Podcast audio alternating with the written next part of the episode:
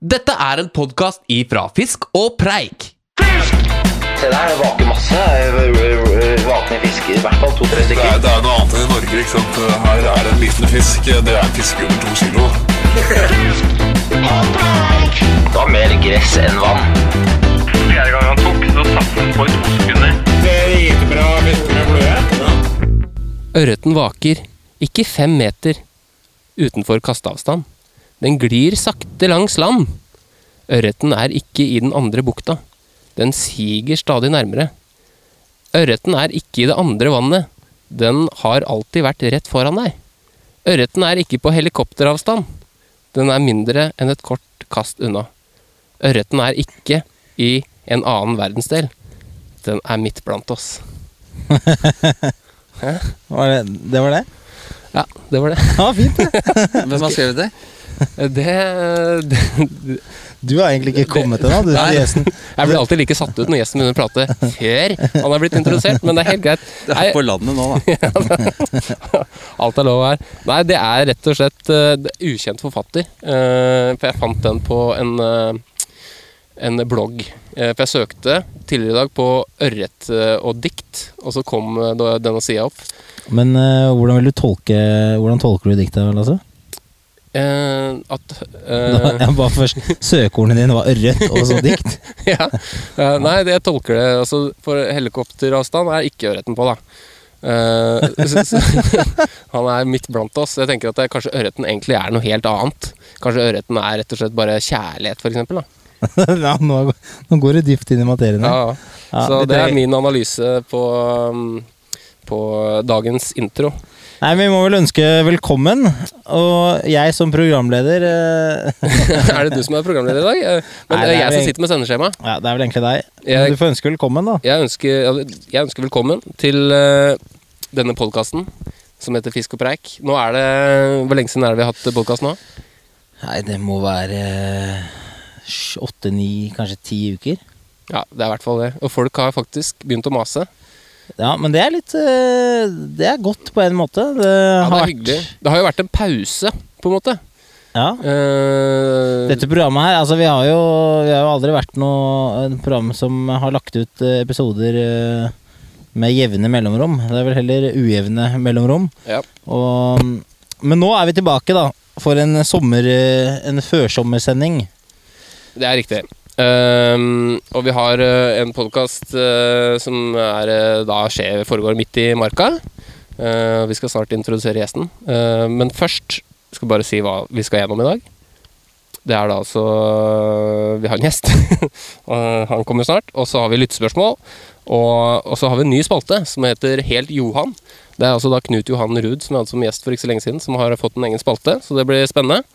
Eh, og så skal vi ha episodens sammenfatning. Men før den bra tid, ut. Høres bra ut. hva har skjedd eh, i ditt liv eh, siden forrige podkast, Tobias? Nei Det har jo vært eh, nå, Jeg tror det var snø ja, sist gang jeg var med Altså Sist gang jeg var med i podkast, så lurer jeg på om det var snø. Så siden sist så har jeg gått mye på ski. Ja. Og så Nå som det smelta, så har jeg begynt å gå på rulleski, faktisk. Er det, sa- er det sant? Ja, sant. Så Er det sant? ja, jeg begynner å Altså, jeg fiska overraskende lite. Jeg begynner å, oi, jeg begynner å rumstrere masse dyr her. Eh, eh, Vi må forklare litt uh, Vi kommer til det etterpå. Ja, til det etterpå. Ja, men uh, nei, da har jeg fiska litt. Prøvd meg til havabboren i Indre Oslofjord uten hell. Ja. Det syns jeg er veldig rart, for det er, de er, altså, det er mange som har bare Ja, det er helt klikkings i fjorden, og mange får masse, da. Mm. Ti stykker på en tur og sånn, og jeg har ikke fått en dritt. Og fiska på Den kjente, gode plasser som jeg fikk masse i fjor. Så det Jeg lurer på om jeg mista teket. Men er det ikke, men er, er det ikke varmt, veldig varmt i havna? Jo, men havbåren, den er som Den liker det, da. Den liker det. Ja, den digger sånn varmt vann. Så den trekker inn Så det her er egentlig helt prima. Mm. Men uh, har vært uh, dårlig, så Og så jobber du med et litt interessant uh, forskningsprosjekt om dagen, gjør du ikke det? Eh, Jo, men det trenger ikke gå sånn uh... Det er litt interessant. Vi er en fiskepodkast, det er veldig fiskerelatert. ja, eh, ja, ja. Nei, jeg er med og uh, prøver å se hvordan klor kan fungere mot Som et mulig middel da, mot uh, Gyrodactylus salaris. Ja, stemmer. Så Ja, øh, det, er veldig, det er veldig spennende. Så Ja. det, det, er my, det, går, det er mye fisk på jobben, og lite fisk på fritiden. Snudd helt opp ned fra den øh, studietiden. veldig merkelig. Da var det mye planter og fugler i studiet. Mm. Fiske på Fritida. fritida. Ja, skjønner. Så du har egentlig ikke fiska så mye siden sist? Nei, jeg fiska, fiska eh, utrolig lite. Men altså, det er ikke jeg, jeg bor på Lillehammer, og isen den gikk jo ikke for så veldig lenge siden. Vet. Så- Vi har jo en eh, Vi var jo Vi, hadde jo et mål om å fiske gjedde sammen, vi. Ja, vi har faktisk hatt én tur sammen. Ja, En ja, ja. sammen. Mm. Fryktelig dårlig. Ja, jeg syns det var dritbra. jeg. Fikk masse gjedder. Du fikk ikke masse gjedder, du fikk to slanke, kjedelige, veldig slappe gjedder. det var ikke trøkk i det hele tatt. Var fire kilo. Jeg var ute fire-fem dager. Jeg fikk, jeg fikk, jeg fikk tre-fire gjedder. Det var dårlig. Ja, dårlig. Seinest for uh, ca. Ja, en uke siden. Men hva har du gjort siden sist, annet enn eh, gjedderi? Nei, altså jeg har prøvd på gjedderi, og det gikk til helvete. Uh, har jo vært oppi uh, ikke så langt der vi er nå, for så vidt, og fiska til ørret, da. Uh, vært noen turer ute. eh, og det har vært, eh, vært, vært en veldig rar start på sesongen. Det pleier jo egentlig å starte nå. Nå er vi jo Er det 4.-5. juni eller noe sånt? Er det? Pleier Jeg starter litt tidligere nå, kanskje? eller? Ja, men altså Døgnflyene pleier å starte rundt i månedsskiftet, ish. Uh, det er, er ikke det, stemmer ikke det av gjest? Jeg ble litt satt ut av den skyllebøtta jeg fikk når jeg snakka i stad. Ja. Så jeg tenkte det skulle være rolig. Nei, det starter, eh, starter jo gjerne en uke ca. etter at isen går. Ja, Og med marginataen. ja med marginatene. Ja. Det kan vi prate mer om etterpå. Det kan vi. Jeg Ja. gleder meg. Ja. Ja, eh, I hvert fall så har jeg vært ute og fiska. Fått ørret. Og har vi, kan, vi kan snakke om én fisk etterpå som har vært litt spesiell. Fisken min. Ja, riktig. Eller er det fisken din? Uh, nei, det er faktisk Harald sin fisk. det kan vi prate om etterpå. Uh, og så har jeg solgt golfen. Det er et ganske stort punkt i Ja, mitt. Ja, gratulerer. Mm. Du, fikk, du solgte den, ikke vraka den? Jeg, jeg skulle jo vrake golfen, for nå følte jeg at det var på tide. For han eh, var jo høl i potta, og hjula funka ikke, og det var bare alt var dårlig med den bilen. Og så dro jeg til uh, bilopphuggeriet, og der sa han eh, med ikke-etnisk opphav, at, eh, eller norsk opphav, eh, om at eh, den bilen, den kjøper jeg deg for 4000 kroner. Hvis du vil, da. Og så sa jeg ja, selvfølgelig, det går fint. Og så går det en uke, og så så jeg bilen ligge ute på Finn til 24 500. Nei. jeg vet ikke om han er eh, veldig smart eller Du må lagre den annonsen, da. Ja, jeg har gjort det. Det er på favoritter på Finn-appen min. Legge inn bud, da. Ja, det er et kjempefint fiskebil, så kan, hvis det er noen som er interessert, så kan jeg, kan jeg rett og slett eh, linke dere den. Men eh, hvordan kommer du deg rundt nå? da? Kjøp meg en eh, Peugeot, og på veien opp hit eh, På veien opp hit så fant vi ut at det er noe gærent med den nå. Så det er jo bare surr med disse bilene. Ja, det var noen skranglelyder der. Det var det.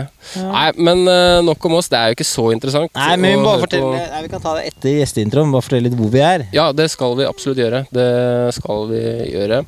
Jeg skal bare spille av den uh, gjesteintroen. Det er litt sånn uh, feltkaos her, for jeg må styre alt eh, gjennom en telefon. Men her kommer altså jingeren.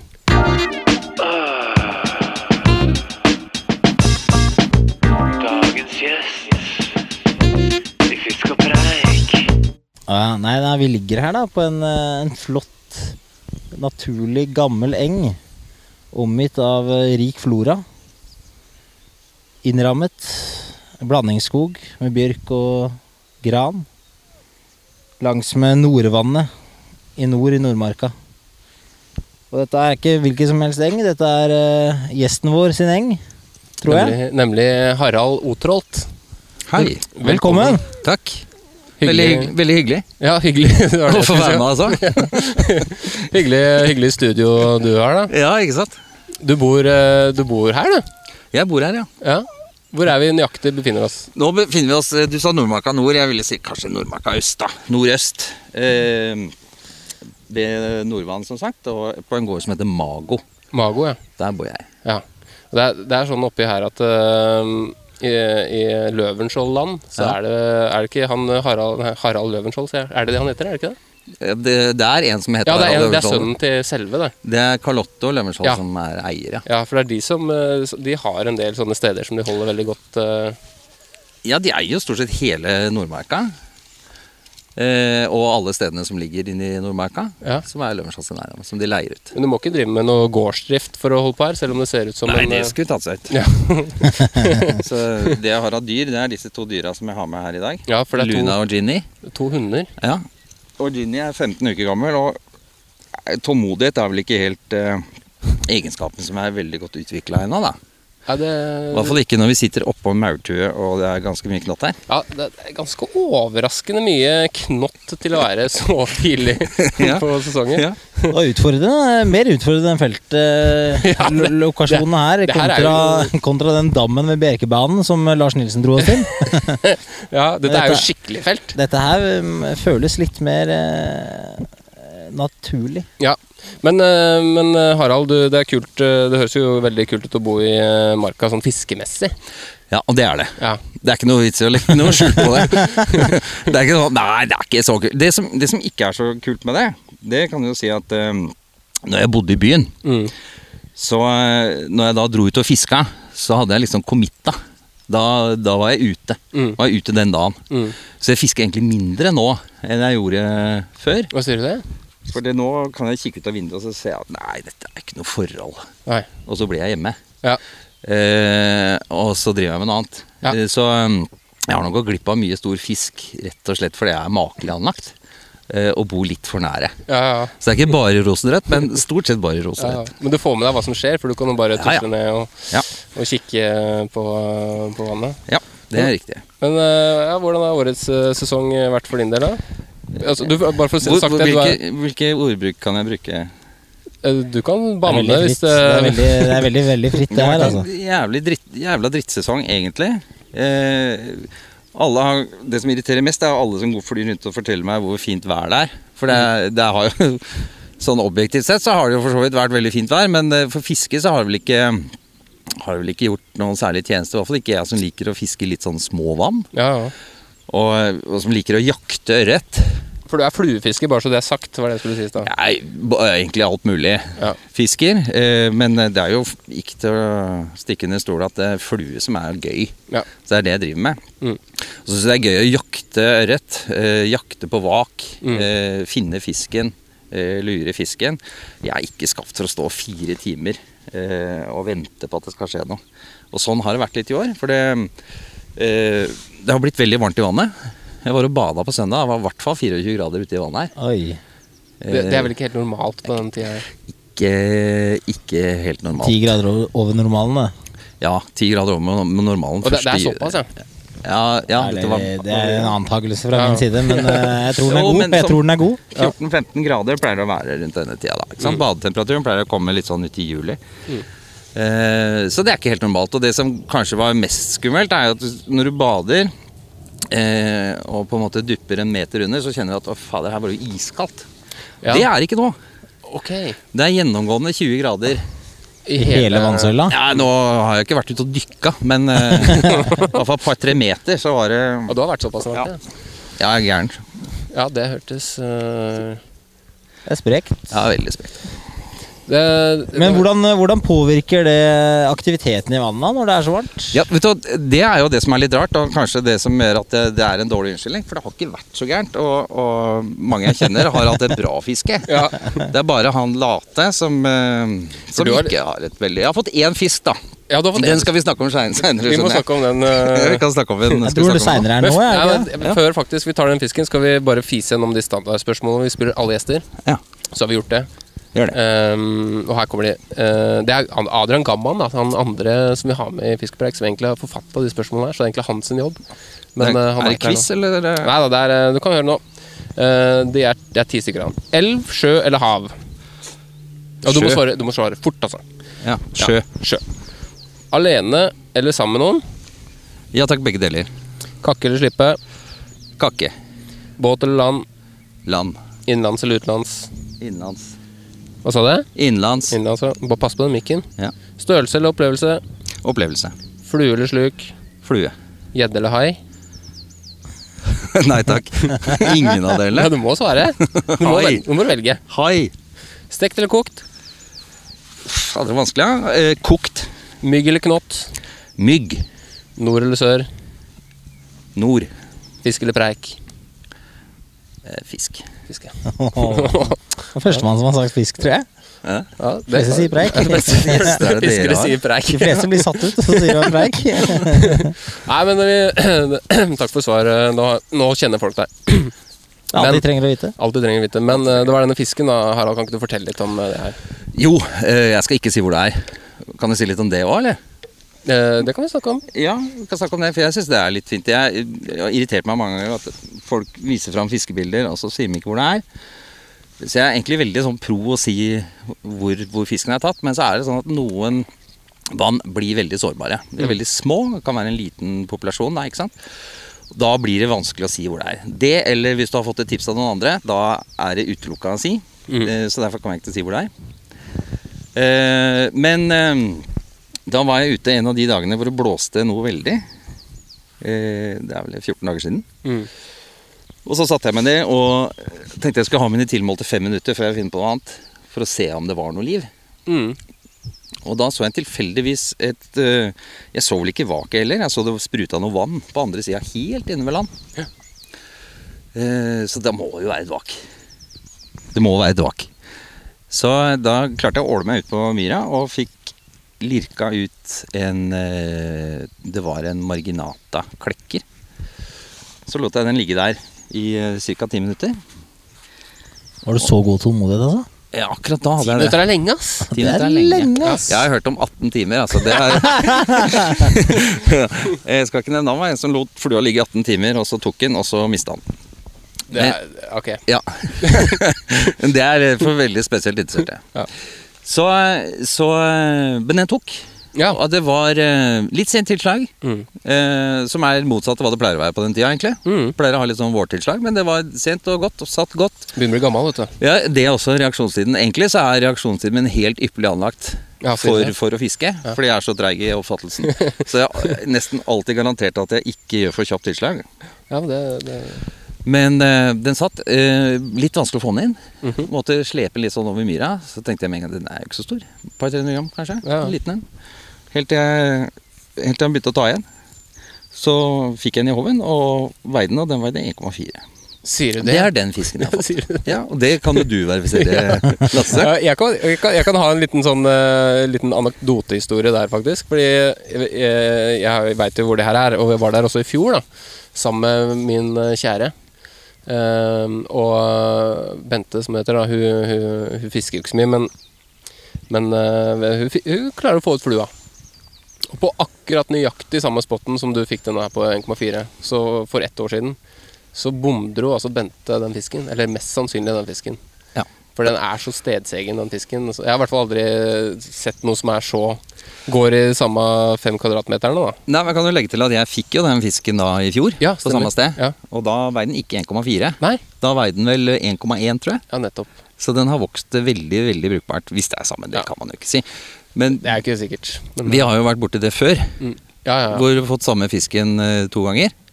Vi to? Ja, du får jo alltid den fisken jeg har Ja, fått. ja, stemmer det. For vi var ute og filma en gang, husker jeg. Ja, ja, stemmer. Ja, den er, ja, ja, Ja. riktig. Og den fikk du eh, et par Den- år senere. Per år senere, ja. Ja. Da hadde den vokst et par hundre gram eller sånn? Nei, den vokst 400 gram. Var det, var det, var det? Veide 400 når jeg fikk den, og så veide den kilo når du fikk den. Ja, stemmer. Morsomt. Men eh, tilbake til den 1,4-fisken, da. For du sendte jo melding Ja. samme kveld. Ja. Eh, Eller jeg spurte vel er det noe trøkk i marka. Og så fikk jeg vel et eller annet sånt svar. Ja. Der fikk en på 1,4. Du sendte vel bilde? Det var ja. sånn det var. Ja. I hvert fall så Det tok vel ikke mange timene før jeg var eh, her oppe. Nei, det tok ikke så mange timene før eh, du Nei. fortalte at du hadde fått den, eller? Ja, så, så, Men det morsomme den gangen her, da For det, jeg, jeg klarte jo å se fisken i vannet før jeg tok den, faktisk. Og det er tror jeg en av de første gangene jeg klarte å spotte fisk i en myrtjern i marka. Uh, og det, for det var ganske tidlig på morgenen, så det var helt riktig lys og jeg hadde litt høyde. Så jeg fikk, følte, satt og drakk kaffe og fulgte den fisken der eh, ti minutter før jeg skjønte, skjønte at må, må jeg ut og, For han begynte å vake, da. Men, jeg, men det, det rare er at jeg bomdro fisken en gang. Og så Det gjorde du kanskje, før, det. Ja, det gjorde det. Og så gikk det kanskje en time, og så bomdro jeg den en gang til. Men det sjuke da var at han var, jeg føltes ut som han var på et sekund. Altså han var sånn, Du kjente den, liksom. Og da tenkte jeg nå, nå, nå, nå må jeg bare finne en annen fisk. Men så gikk det jaggu en halvtime, og så var han oppe på vaka igjen. Og så, men da, da, da han var litt sær, så han ville ha mar marginataklekker, den òg. Ja, Det, det er det, det, er det han Nå, liker. det er nå. Så, Det er ikke rart den blir stor når den spiser eh, hele tida. Så jeg tok den fisken òg. Den var uh, veldig sulten, kan jeg si. Den gikk jo grisevaka i en uh, god stund. Den var flott fisk. Ja, den var veldig fin. Men uh, også en, en fisk på 1,4 kilo skal spise ganske mye bare for å opprettholde vekta. Ja, det kan Så klart den går og spiser hele tida. Jeg skal dra bort der sjæl snart. Og Ja, vi må nesten få Tobias ta til å ta ta, en, ta en trippel. Du er den eneste som ikke har fått den, du, da. Jeg er den eneste, ja, jeg er den eneste som ikke har fått den. Ja. Ja, Ehm, ja så det, det er historien om eh, fisken. Skal vi kalle det fisken nå, eller så vi kan gi den et navn? Vær så god. Skal vi bare kalle den for Harald, eller? Det er ikke dumt. Det er ikke dumt. Historien om Harald fortsetter. Vi tar det i neste episode. Harald ble dratt på land igjen. Ok, nei, men Harald? eh, Harald, eh, hvordan eh, Nå har vi snakka om eh, hvordan du har eh, Altså, du bor jo her i Marka og alt det her, men hvordan starta sånn fiskemessig for din del? Hvordan er det du liksom har blitt en så ivrig sjel? Oi, ja, hvordan starta det? Det, det starta egentlig med at jeg fikk meg bikkje. Ja. Eh, og bikkja måtte stadig på tur. Vannhund. Hæ? Vannhund. En vannhund, det var det jaggu òg. Vannapporterende. Det var en golden retriever. Og så eh, var det jo greit å finne på noe å gjøre da når vi gikk ut i tusla rundt i skogen. Så jeg kjøpte meg en slukstang. Eh, for jeg hadde ikke fiska siden jeg var barn. Eh, og da eh, syntes jeg det var moro. Mm.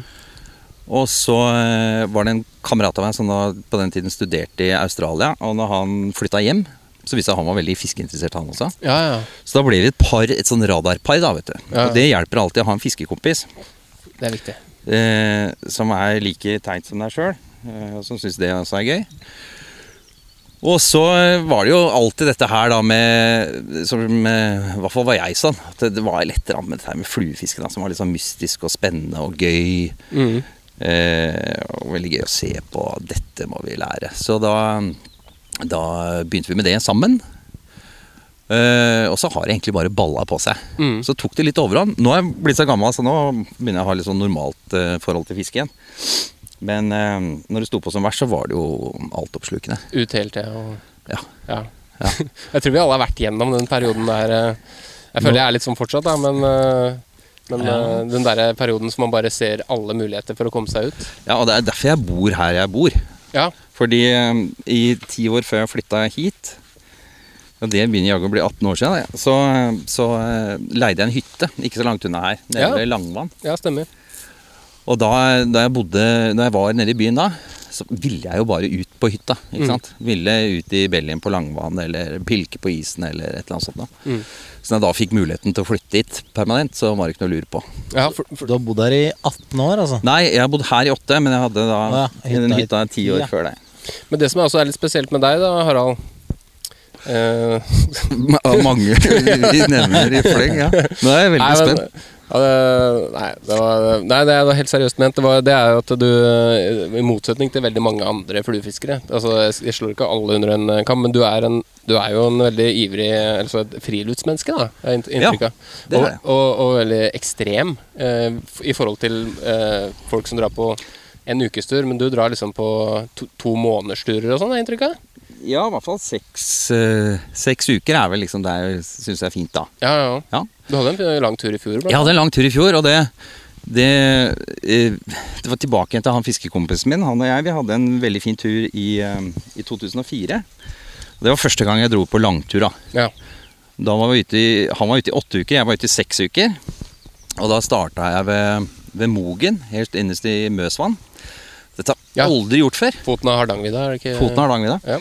Helt grønn. Også med bikkja mi som jeg hadde den gangen. da Golden retrieveren med kløv.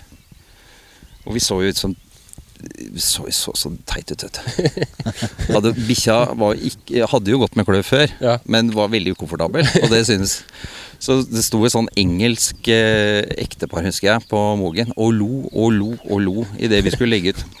Og så sa han jeg håpa jeg ikke skulle være borte så lenge, da. Jeg skal jo det, da. Jeg skal være borte i seks uker. Og det trodde han ikke noe på. Men var, var det oppsynet av dere som var helt fjernt? Med Ja, det og så ikke bra ut. det var, sånn, var liksom sånn type soveposen hang utapå, nesten? Ja, det var, eh, det var ikke Det var ikke plastposer, altså. Det var ikke så gærent. Nei. Men det var ikke så langt unna. Eh, og så spurte han hva jeg hadde håpa å oppleve. Så sa jeg det eneste jeg håper jeg ikke opplever, det er snø. For jeg starta 8. juli. Jeg trodde det skulle være ganske safe. Ja, det Ja. Og da starta jeg turen, og det som er litt uh, spesielt, er at i etterkant har jeg blitt kjent med han som er grunneier der. Så jeg har fått høre litt om hvor jeg har vært hen, da. Så jeg klarte å finne meg et eneste vann på Hardangervidda som var fisketomt. Der tilbrakte jeg første natta. Ja. Og våkna da og banka is av teltet. Og så var det fem centimeter nysnø. Deilig start, da. Ja, det- Veldig fin start, altså. Så jeg Det er greit Da- å få den med en gang, da. Ja. Ja, det skulle du tro, men jeg hadde det sånn i fire uker. det var altså eh, Men det leder opp til det som var på en måte litt velsignelsen i det. da For det starta jo da Da husker jeg de tolv første dagene så gikk jeg eh, gikk sånn på kryss og tvers. Hadde egentlig helt ålreit fiske, altså måtte jo ha til mat og sånn. Så det funka jo greit, da. Eh, men det regna og snudde hver eneste bid i dag. Gikk tolv dager uten å se menneske. Og så fikk den der første følelsen av å komme fram til en sånn stue hvor jeg fikk en plate melkesjokolade, to brødskiver med servelat, Mm. og så en Solo, og så en dusj. Ja. Det er, det er det beste jeg har vært med Hadde det ligget en naken dame på senga der, så bare, Det er helt unnsagt. altså. Der vil jeg ha den Soloen og den melkesjokoladen, altså. For det var så himmelsk. Men da begynte vi etter hvert å telle opp dagene da, hvor lenge vi hadde gått med, med regn og, og tre-fire grader. Mm. Og det var samfulle fire uker. Ah, det var såpass, ja. Ja. Det er beintøft. Du må bli mann av sånn der, ass. Ja, ja du ble jo Du ble i hvert fall litt sånn eh, desillusjonert etter hvert. Altså, så eh, var vi ganske langt nord på Hardanger, over, over i Skarvheimen egentlig. Eh, og lå ved noe som heter Flakavann, som er Norges høyeste innsjø. Som også er fisketom, da, så jeg fant jo den også. og da våkner vi om morgenen eh, av et jævlig leven, vet du. Og da ligger vi rett ved en bre, og da hadde den begynt å kalve. Og så var det et eller annet som var litt spesielt med, med hele opplevelsen, for plutselig så var det jo ikke beinkaldt lenger, det var jævlig varmt. Ja. Så slo det om og ble 30 grader. Og så så vi jo fort at eh, her kan vi ikke ligge, for hele vannet var jo blikk stille, og Ja. var helt overfylt av vårfluer. Så tenkte jeg her kan vi ikke bli, her vaker jo ikke, ikke sant? Nei, nei, nei. Så vi følger elva litt ned, så gikk vi Hei, Lilla. Så gikk vi ned til vannet nedafor, som heter Godfjellkjønn. Eh, Det sto ikke noe om det var fisk der heller, men vi slo noe leir, da. Eh, Og der, eh, der kom jo alle disse vårfluene drivende ned fra Flakavannet. Ja, ja, ja. Og da husker jeg sto Tok jeg fram fluestanga og så gikk jeg ned og skulle prøve noen kast. da Og da sto jeg og så sa jeg til han kompisen Helge at her kan vi ikke fiske, for her er det altfor grunt. Du ser jo masse sånne små skjær. Og så begynte jeg Fader, de skjæra beveger på seg. Og så var det fiskerygger som var oppe og beita på vårfluer. Fy faen. Og det spilte ingen rolle hva du satt på. Om du kasta med sluk eller om du la ut flue. Mm. Det var ikke én fisk under seks hekto. Og du kunne ikke gjøre noe gærent.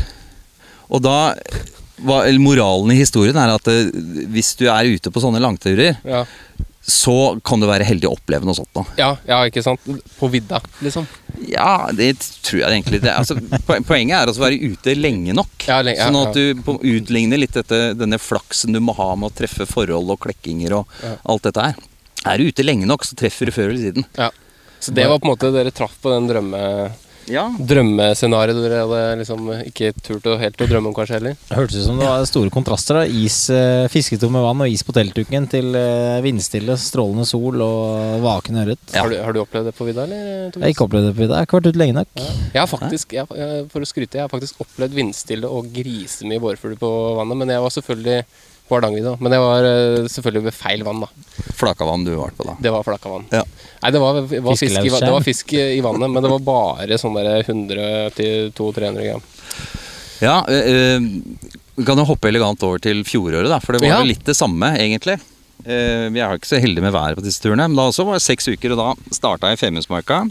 Og så var meningen å ende opp i Åndalsnes, altså gå, gå på tvers over, da. Mm. Eh, Gå gjennom eh, ja, Femundsmarka, Forholdhogna, og så eh, gjennom Oppdal, og så vestover derfra. Det er ganske lang tur. Hvor mange mil er det du hadde tenkt å gå? 40 mil. 40 mil, ja. ja, det, er, det, er, det, er en god, det er en bra Jo, tur. men på seks uker så er det altså Døgnet har jo 24 timer, liksom, og det er begrensa hvor mye gøy du har ellers. Det er, det er bra med tid til å gå på. Ja, ja, ja. Så det er ikke noe, er ikke noe problem, det. Nei. Eh, og det var fint i Femundsmarka for så vidt også. Eh, fikk jo noen fine røyer og fikk en litt sånn grei start. Eh, men så var det jo veldig sein vår. Og da eh, Mye av turen syns jeg er planleggingen. sitte og planlegge og se for deg hvordan det er. Mm. Eh, Det er jo ofte mye bedre. Da er det jo aldri mygg eller klegg. Nei, eller det er jo topp. is eller. Ja. Og så fikk jeg en eh, Fikk jeg besøk av Stig Werner, som har fiska mye på mange av de traktene. Stemmer. Så jeg fikk lov til å kopiere kartet hans. Oh ja, så han har merka av eh, Ja, ja, ja. gode vann? og- Det er gutten som har kontroll, altså. Ja. Så jeg fikk merka mange vann. Så da, etter, eh, etter to og en halv uke, så begynte jeg å bevege meg inn i eh, Stig Wernerland. Mhm. Og det hadde også vært Jeg hadde ikke opplevd så mye snøvær, men eh, jeg lå jo ved noen av i- tjernene i Forhåndhogna, og, det var minus fem. Det var jo ikke akkurat pri, primetime Midt fiske. på sommeren? Ja, midt på sommeren. Jeg starta 1. juli. Ja, da Så kom jeg, kom jeg inn i kom, kom jeg inn i Stig Wernland sted. Nå! Nå starter det. Det er dette jeg har venta på. Ja. bikker fjelltoppen der, og så ligger isen på vannet. Og så lå isen på alle vanna bortover. Som Werner hadde tegna. Så det var rett fram med boret, da. ja, Nei, det hadde jeg ikke giddet å bære på. Så det var jo ordentlig nedtur, da. Eh, så eh, tusla jeg enda lenger vestover. Og så la jeg meg ved et, eh, et eh, lite vann, eh, som jeg ikke skal si navnet på. Sprutkjenn kan man kalle det. Vi kan kalle det sprutkjønn. Nedre sprutkjønn, for det var ikke øvre det skjedde.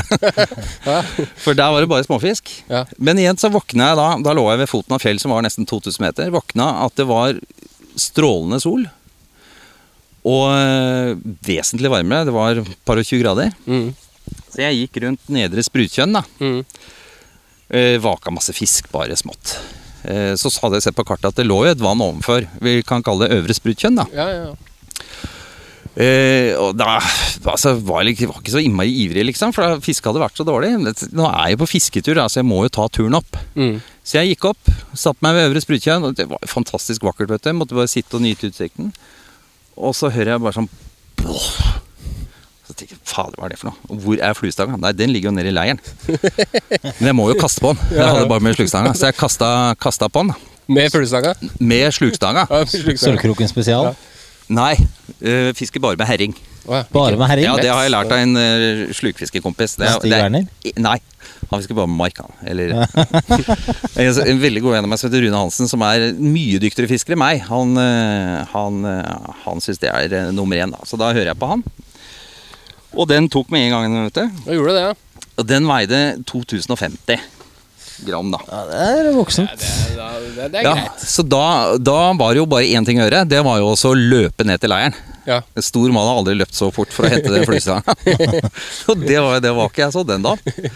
Det var det, ja. Ja, det var det ene vaket. Men jeg måtte, eh, så jeg, da gikk jeg litt rundt og kasta med slukstanga. Da, så kom jeg i andre enden, og da beit det jaggu igjen. Den veide 2150. ja. Så snittet jeg har fått i det vannet, er 2075. Øvre sprutkjern, altså. Bare å anbefale. rimelig greit. Ja, men er det, henger det sammen med, med nedre sprutskjønn. Ja, er det, er det bekk, eller? Er det liksom en sprutbekken, eller? Ja, og det er jo eh, interessant historie for hvem som, hvem som er flinke til å gjøre forarbeid. Fordi eh, som en sånn takk for sist, så eh, ga jeg navnet på dette vannet til Stig. Ja. Og da tok det jaggu ikke mange minuttene, og så ramla det inn info om det vannet. Da hadde han vært på nettet da, vet du, og funnet ting som ikke jeg hadde funnet. Okay. Som lå begravd dypt inne i Word-dokumenter som han hadde funnet på et eller annet fjellstyre sin hjemmeside. ja. Hvor det sto da om at dette antagelig stamma fra et utsett i 2014. Ja, nettopp. Ja. Å, ja. Så det er rett og slett de har fått kose seg mest sannsynlig siden den tid, da. Ja, og det var jo ikke mye spor etter folk. Det var ingen stier, ingen eh, buer, ingenting oppi der. Så de har nok stort sett uh, gått og kost seg der. Så det er litt den derre den, den driven etter å finne noe unikt og eget uh, med fiskestanga på tur, kanskje, som uh... Definitivt. mm. Eh, altså, det blir jo et eventyr, da. ikke sant? Ja, ja. Men eh, du som bor midt i marka her oppe ved Nordvannet, er det, har du mye uoppdaget i, i, i Oslomarka? Massevis. Heldigvis, får jeg si. Er du flink da, til å, til å utforske litt, eller er det, går du Ganske. Eh, men jeg var, igjen jeg var jeg flinkere før når jeg ikke bodde her. For da kunne jeg ta sånn ukestur og gå på tvers av marka den veien og den veien og sånn. Det gjør jeg ikke nå, når senga er der borte, liksom. Så jeg, Jeg var på en telttur i fjor. Ellers så kan ikke jeg huske sist jeg var på telttur i marka. Godt Det er tenkt på litt oss, synd. eh, oss- oss i natt. Eh, Ja, med den knotten her så tror jeg jeg velger å bli inni, altså. ja, eh, Du får fyre et skikkelig bål, Lasse, og så, Ja. holde, så holde røyken unna. Men jeg tenker vi kanskje fiser videre til uh, Altså, tida flyr. Vi har faktisk sittet og prata en uh, 35 minutter allerede. Ja, Da er det faktisk dags å hoppe videre, altså. Da er det vel rett og slett eh, lyttespørsmål, er det ikke det? Jo. Det er det. Kjører vi Nei, ingen, da. det er et lytterspørsmål. Et lite spørsmål, oh yeah. Aha. Ja, det er litt spørsmål, hei, i fisk og preik. Ja da, det er litt spørsmål, oh, i fisk og preik. Litt spørsmål i fisk og preik. Oi, oi, oi. Ja, jeg tror jeg hørte den. Eh, det er altså lyttespørsmål, eh, Harald. Og da er det Vi har, vi har jo noen innsendere, vet du. Ja, så bra. Eh, så i dag så kan du eh, bestemme hvem som har best lyttspørsmål, så skal vi sende personen en T-skjorte. Fader, det glemte jeg å ta med til deg, vet du. Har du ikke T-skjorte? Jeg skal ta med en T-skjorte. Der går jeg og fisker, jeg. Ja. Jeg skal ta med en T-skjorte. Jeg. Jeg gleder meg. Ehm, ok, vi, sta- vi, bare, jeg tror jeg, vi, er, vi bare starter, rett og slett. Um, og det her er uh, en som kaller seg for Ihuga Fluehue fra Østfold. Han skriver. Hei gutta, takk for en podkast full av deilig fiskepreik. Som en eh, forholdsvis nyfrelst flyfisker fluefisker har jeg knekt noen av kodene og lurer naturligvis på mer og mer etter hvert som man graver seg ned i mat materien. Hva er det man bør lese av bøker insekt, eh, angående insekter og klekkinger for å få litt eh, innsikt i fiske i Oslomarka og omveien? Eh, hvilke størrelser eh, fluer bruker dere mest på å fiske i flatt vann? Eh, og ekstra spørsmål til gammaen. Er det lov til å dra ut og fiske når man har barselpermisjon? Så det, det kan vi, vi fint svare på. Det er fullt lovlig. For Er vi- er ikke her. Er vi kompatible til det? ja? Ja. Jeg vet om folk som har fått barn jeg, for å dra på fisketur under barselpermisjon. ja, ikke sant? Ja, så, Så det er, liksom Som tisse i buksa, da. det er det jo selvfølgelig. Men det er jo et kjempetips, da. Ja. Masse barn. Ja, da så skal bare- men da får du liksom Ja, der er fire uker fiske. Må bare planlegge når du på en Én i året. Må planlegge når du på en måte skal eh, gjøre akten, da. Nei, men eh, om, eh, konkrete tips til Oslomarka? Ja, og bøk, han spør om bøker da, angående insektliv, da. Ja. Først og fremst, du kan ta det første spørsmålet der. Eh, om eh, fiske i Oslomarka og omegn. Er det noen bøker angående insektliv der? Jeg hadde jo Sol 100 som valgfag på, på universitetet. Hva for noe? Sol? Sol, zoologi Å 100. ja, det høres ut som Lærte sånn eh, eh, masse om insekter. Ja, Veldig- Jeg kan komme med et tips. Ja, ja. Ja, Det er, en, det er ikke- riktignok ikke fra Nordmarka, det er fra Østmarka. Og eh, jeg er litt usikker på forfatternavnet, altså om det var Alf Rønneberg. Alf Rønneberg, ja. ja. Ja, Flue, fluefiske i skogen stille vann'. Du vet akkurat den boka skulle jeg til å anbefale. Fantastisk bok, altså. Ja, den er og, eh, helt- han, eh, han gikk jo så grundig til verks. Mm. Han uh, dissekerte fisken, så hva de hadde spist til hvilke tider, og loggførte alt dette. Mm. Han gikk jo dessverre bort altfor tidlig, men brukte da denne tiden han hadde etter at han ble syk, til å skrive denne boka. Ja, den er jo faktisk litt den han, Jeg tror det er i forordet på en måte at han skriver også at For han fis- var- ble jo bare med flue i fire-fem år, tror jeg, før han eh, gikk bort. For han døde av kreft. Ja, og Og han så- fiska jo, han var jo veldig allsidig fisker. Ja, ja, stemmer. Så det er absolutt uh, verdt å lese. Også sånn uh, veldig god skildring. Ja, ekstremt bra. Den boka den, Jeg har lest den før, men jeg, jeg kjøpte den faktisk for jeg så den ble lagt ut på en sånn fluefiskeauksjon på Facebook for ikke så lenge siden. Så den har jeg hjemme. Dæven, kanskje jeg skal låne Ja, det. den må du lese. Det er Ja, litt det- sånn eh, det, Jeg trenger å Han skriver så bra, og du blir så inspirert. Det er faktisk en av grunnene til at jeg fiska så mye i marka. For jeg ble så inspirert av han typen der. Veldig, veldig bra. Et annet Det er jo um, Det er jo lurt å lese, øh, og gøy å lese god litteratur. Men det er også viktig å gjøre egne observasjoner, da, mener jeg. Og ikke bare sitte ved vannet og titte utover hva som flyter på overflaten, men gå ned i vannkanten og snu på litt steiner og titte litt. Ja, absolutt. Eh, da får du noen Og- overraskelser eh, med en gang. Da. Så hvis du da er ekstra interessert, så kan du ta med deg litt sånne små mm, rør og legge de på sprit. Mm. Og så kan du dra dem og putte dem under lupa. Har du gjort det, eller? Og så kan du artsbestemme og se på hvor mange ledd den har i tasjen. Og, og sånn Har du gjort det? Nei, ikke på frivillig basis. Er det lov til å komme et innspill også da til en fersk fluefisker om at ikke bry deg så mye om det heller?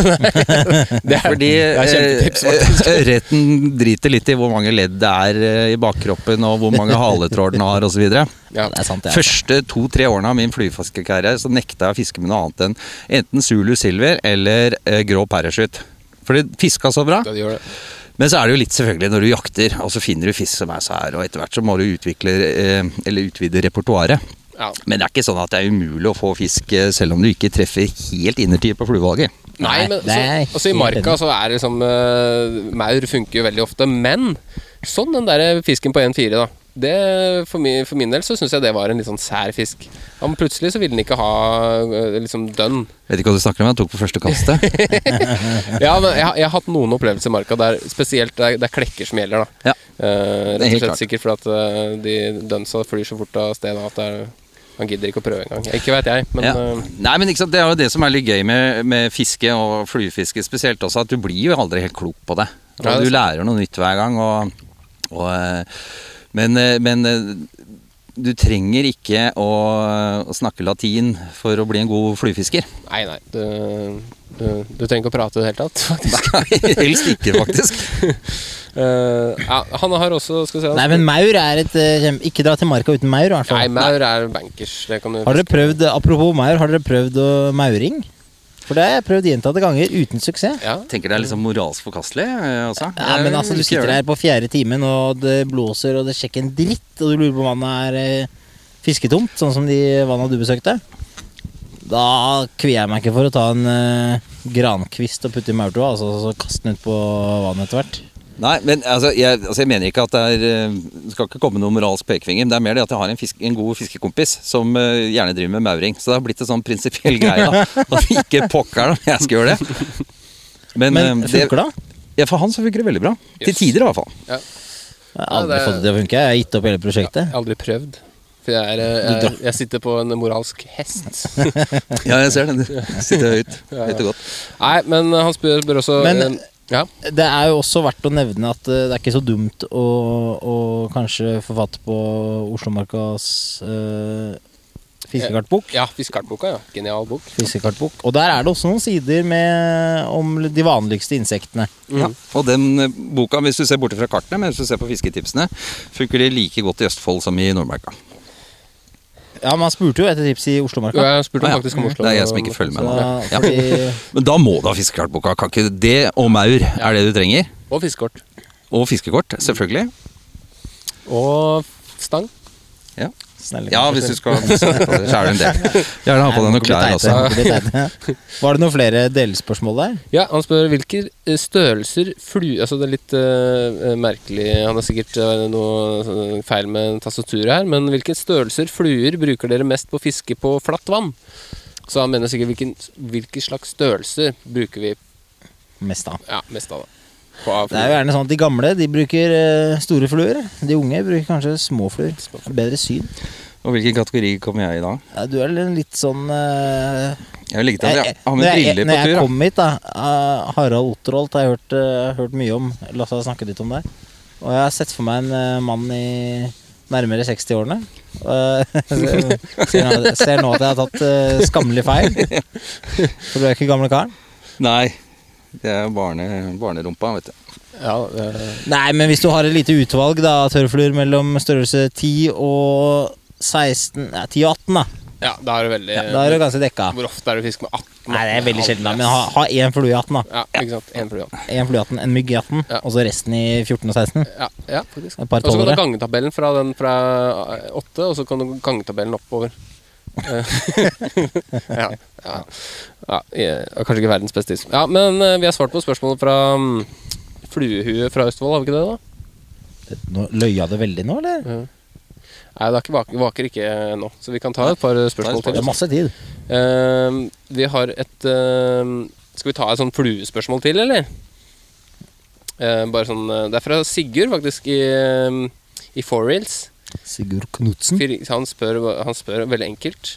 Hei gutter, hvis dere eh, eh, kun fikk lov til å bruke en flue gjennom en hel sesong, hvilken flue hadde dere valgt, og hvorfor hadde dere valgt den?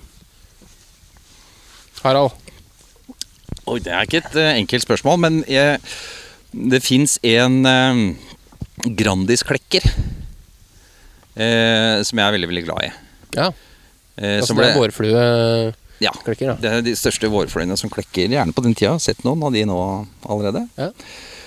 Og den er utrolig effektiv. Og det som er så fint med den, er at den eh, funker i marka, den funker på fjellet, og den funker i, eh, i Nord-Norge. Mm.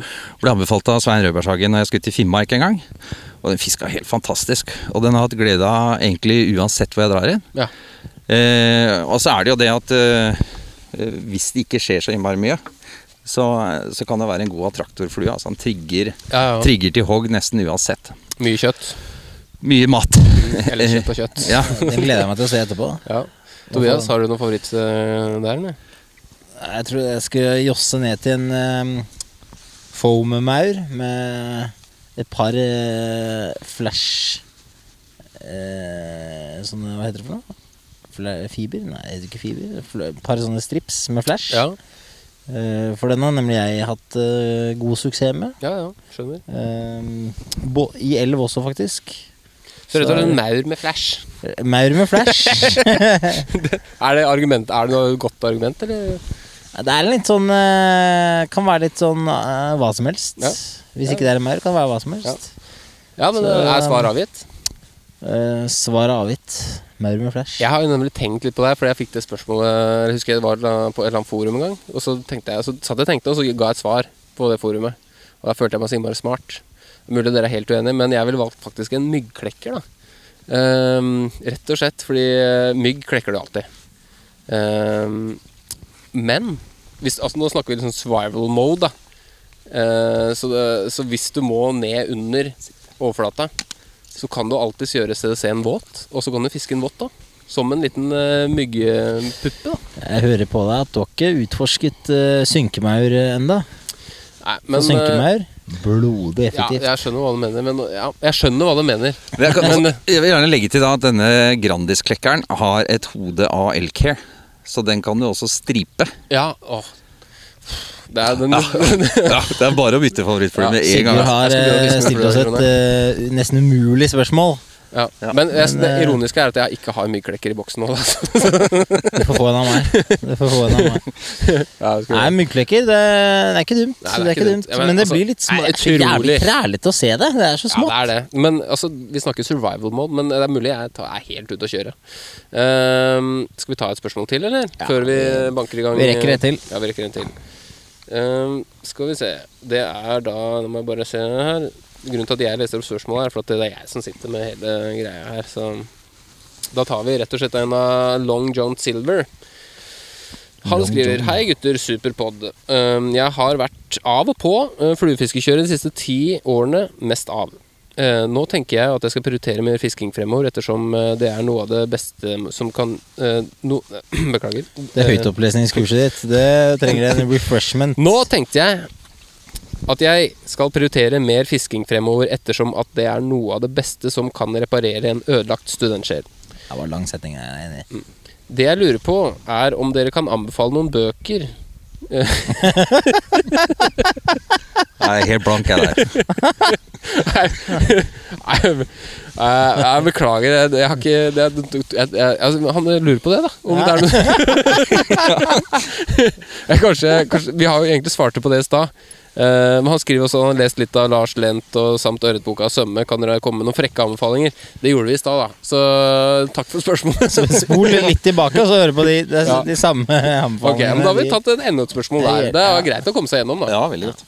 Eh, og så er det en som skriver Yo, eh, fisk og preik, gutta. Fiskelivet uh, og Har dere en bok å anbefale? Nei.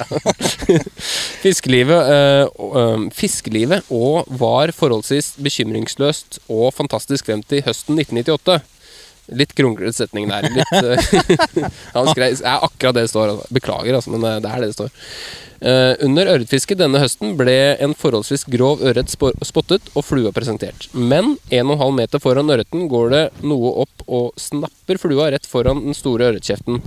Og det viser seg å være en harr! Det skal ikke skje, men det skjedde. Dette satte en effektiv stopper for fluefiske og fluestanga. Har, har, Veldig traumatisk opplevelse der. har ikke sett dagslys siden den gang. Har ikke sett dagslys.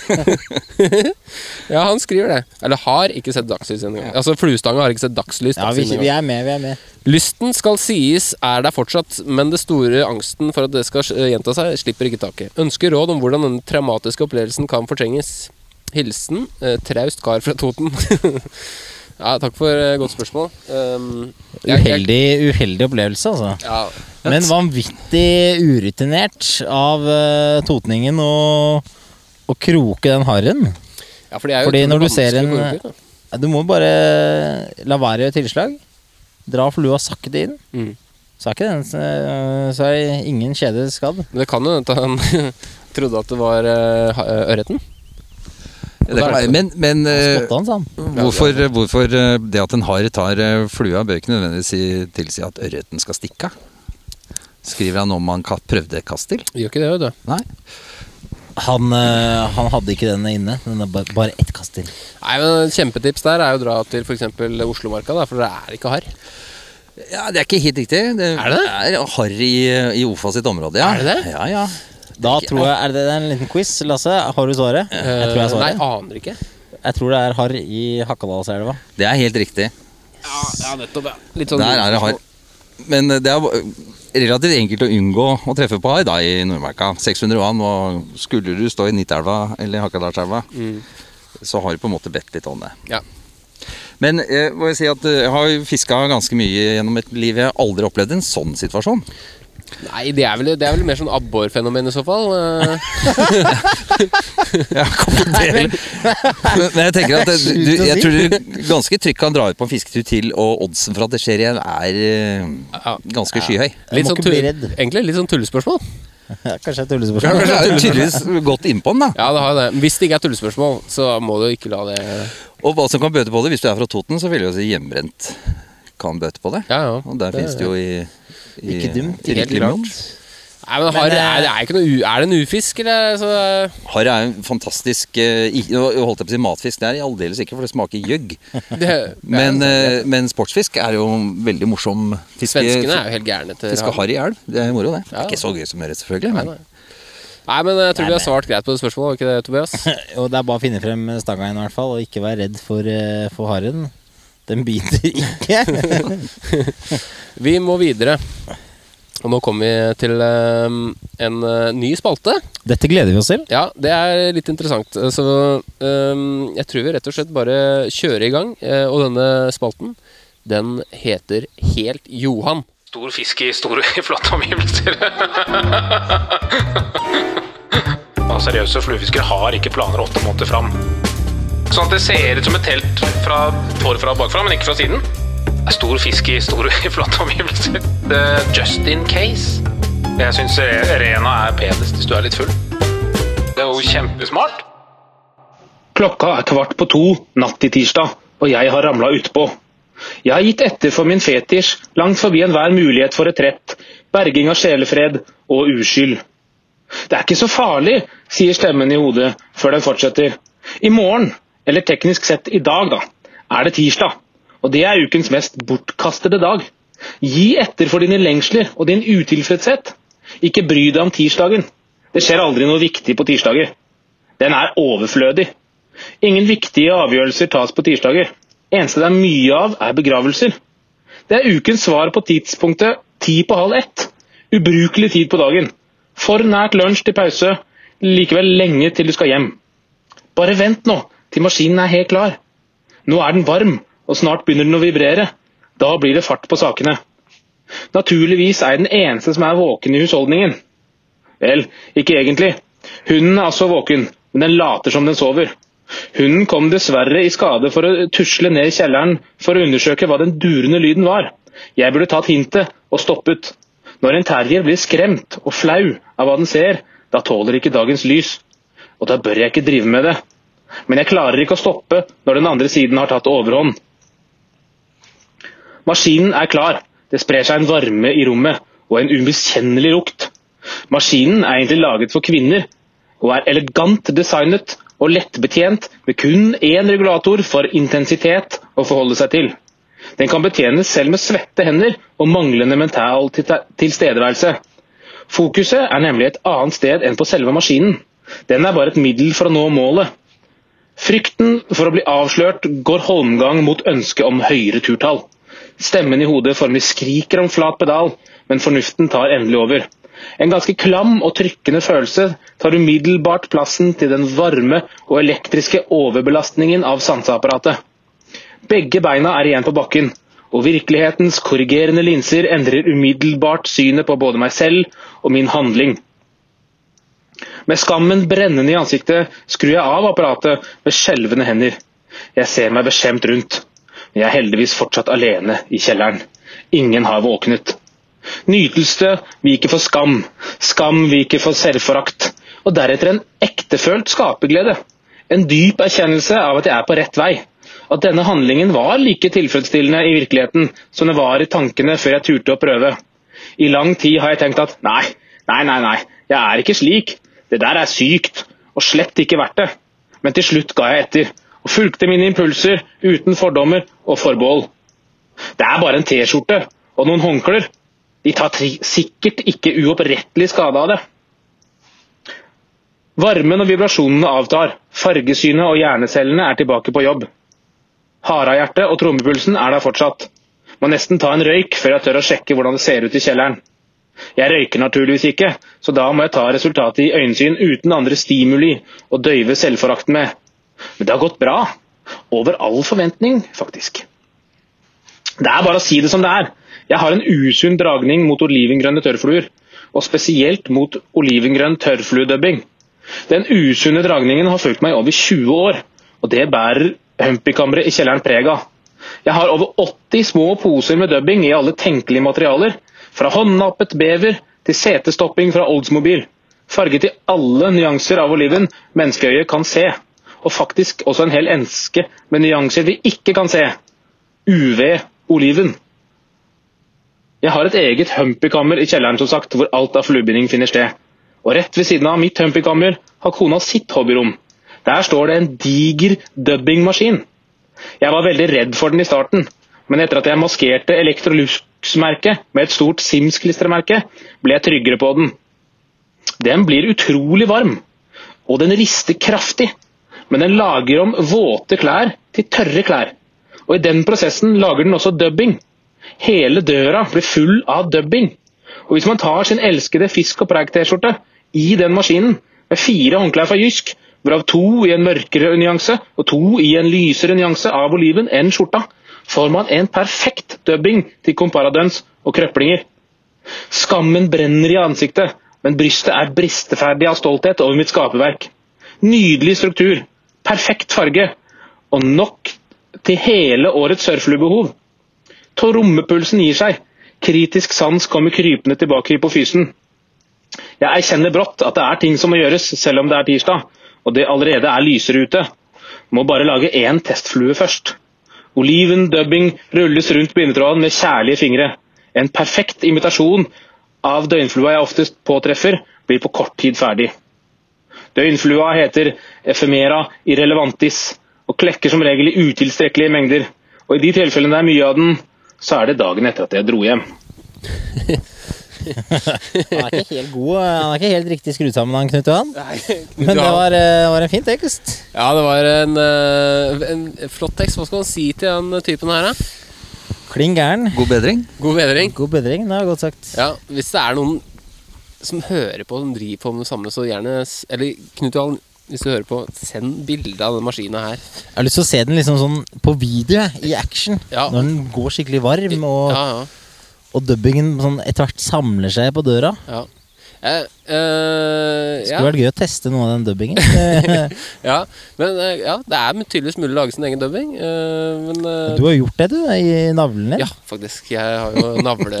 I du. Den er i boksen, den Men det er ikke så effektiv produksjon. Det tar jo veldig lang tid. Og så må du ha litt riktig kles... Eller det er noen klær som funker bedre enn andre. Mest nye klær, kanskje. Ja, ab absolutt. Eller bikkje kan du bruke. Jeg brukte det på langturen i 2004. Hadde med bindesett på fjellet. Sånn liten bindestikke som du kunne skru inn i et eller annet sted. Ja. Og da skula bort på bikkja. og Tenkte at det så fint ut. Ja, ja. Gjorde det det òg, eller? Ja ja, funka helt strålende. Flyter bra. Jeg har en Klauser i kjøretboksen som er brun. Og det er damas, eh, damas hår, faktisk. Ja. Nei, det er litt varmt igjen. Eh, Det er sånn, har du sett en serie serien som heter Hannibal? Nei. Forferdelig serie. Men, jo, jeg har sett litt av den. Men uh, Ja, han sliter sterkt og eh, danser fint i vannet. Men jeg vil ikke si at det er like sykt som dette dubbingprosjektet til Knut Johan. 80 poser med dubbing du kan eh, se. Nei, Vi ser fram til eh, fortsettelsen eh, av Knut Johans hjørne, eller Helt Johan, som spalta het. Det, blir- det blir forhåpentligvis eh, Forhåpentligvis eh, de neste episodene også. det er fin Ingel òg, da. Veldig fin Ingel. Hva syns du om Ingelen? Fantastisk. Tusen takk. Dette er du god på, altså. Ja, dette dette er du god på. Eh, Hva syns dere om elementene i sangen? Jeg syns det var bra. Jeg. De kunne kanskje hatt litt mer trommer. Litt, mer trommer? Ja, Ja, litt mer trommer. For det var litt lite trommer der. Det var, litt, det var nesten ingen Kanskje vi trommer. må ha litt mer trommer til neste gang, da. Det var litt kjedelig det pianoforspillet også. Ja, til var det det? Ok. Men det gjorde seg bra når eh, kontrabassen kom. Ja, Og celloen hørte jeg veldig godt. Ja, det var ikke en cello, det var faktisk en um, Bratsj. Ja, riktig. Ja, mm. Så det er Jeg er etterlyser da Var det Sa jeg etterlyste?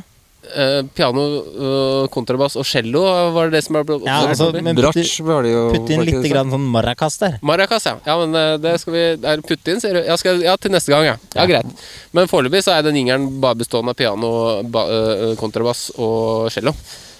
Var det ikke gitar der, da? Ja, så er det et instrument vi ikke hører så ofte. Jeg var i operaen og så Lucia di la Memoire, og da bruker de sånn vannxylofon. Det var ikke det der. Det er ikke så Det er én opera jeg vet om de har skrevet, og også den jinglen her, da. Så det var jo hyggelig å høre igjen. Er du opptatt av opera? Jeg er veldig glad i opera, ja. Sier du det? Ja. Det er kult. det er ikke ofte man hører. Nei, men eh, gutter, vi eh, nå, nå må vi nesten fly videre til eh, episodens Nå skal vi eh, fiske. Ja, vi skal snart fiske. Du har mikken din skrudd seg Tobias. Tobias. Tobias er overfor to hunder her som eh, er Du må skru på mikken, Tobias, så vi, så vi hører hvordan nå Nei, det er den ikke. Jo. da. Hører du meg ikke? Nei. Nå, da. Nei. Har det skjedd noe? Ja. Nå. Hører du meg nå, da? Uh, nei. Eh, nå, nå tenker jeg. Nå, da. Ja, det, der ute. Okay. Det, var en, eh, det var noe som skjedde Jeg ble rett og slett overfalt. Overfalt av en hund. Ok, nei, men um, Hundene fortsetter å overfalle Tobias. Det, du har tydeligvis uh, Veldig koselig med hund, da. en slags Det hundehvisker. er veldig mye, veldig mye kjærlighet til hund. Ja, vi skal videre, og vi skal ha episodens anbefaling. Eh, litt kaotisk eh, stemning her akkurat nå med de hundene, men vi, vi kjører på. Vi kjører på. Jeg har en anbefaling. Ha med snickers på tur. Fiskerusletur. Jeg skal anbefale et uh, nytt produkt. Og det eneste gode rådet jeg til der, det er å være sterk i trua. Franske bakvarer. Croissant. Croissant. Jeg vil faktisk anbefale fisk og preik. Jeg vil faktisk anbefale fisk og preik. Han Løvaas også. Det er en fin anbefaling. Ja, absolutt. Uh, Tobias, vil du starte ballet, eller? Uh, Jeg vil anbefale å bestille noe myggemiddel fra internett, uh, som sikkert fungerer mot knott òg. Ja. Jeg merker at jeg er i desperat uh, nød. Så rett og slett myggmiddel som funker mot knott. Ja, og da vil jeg anbefale Bushman. Jeg lurer på om Kanskje det har vært anbefalt før, men jeg vil anbefale Bushman. Ja, Spesielt uh, hvis man sitter en lyng oppe i Nordmarka. Jeg har en anbefaling, jeg òg. Ja, jeg har fått ja. helt hangup på en ny serie på TV Norge. Har dere sett Første date? Ja. Sett alt. er ikke det bra? Ja, det er så hysterisk morsomt. Ja, det, Og så er det så kleint. Du kan se det på Dplay de første episodene gratis. Har du sett det, Harald? Nei, det kommer jeg nok ikke til å se på. Det er ganske mange mil unna min range, altså. Ja, det er veldig Nei, bra. Det trodde jeg òg, helt til jeg satt på første episode. Ja, okay. Ja. Utrolig gøy. Dama blir så frustrert, for hun skjønner ikke en dritt av det.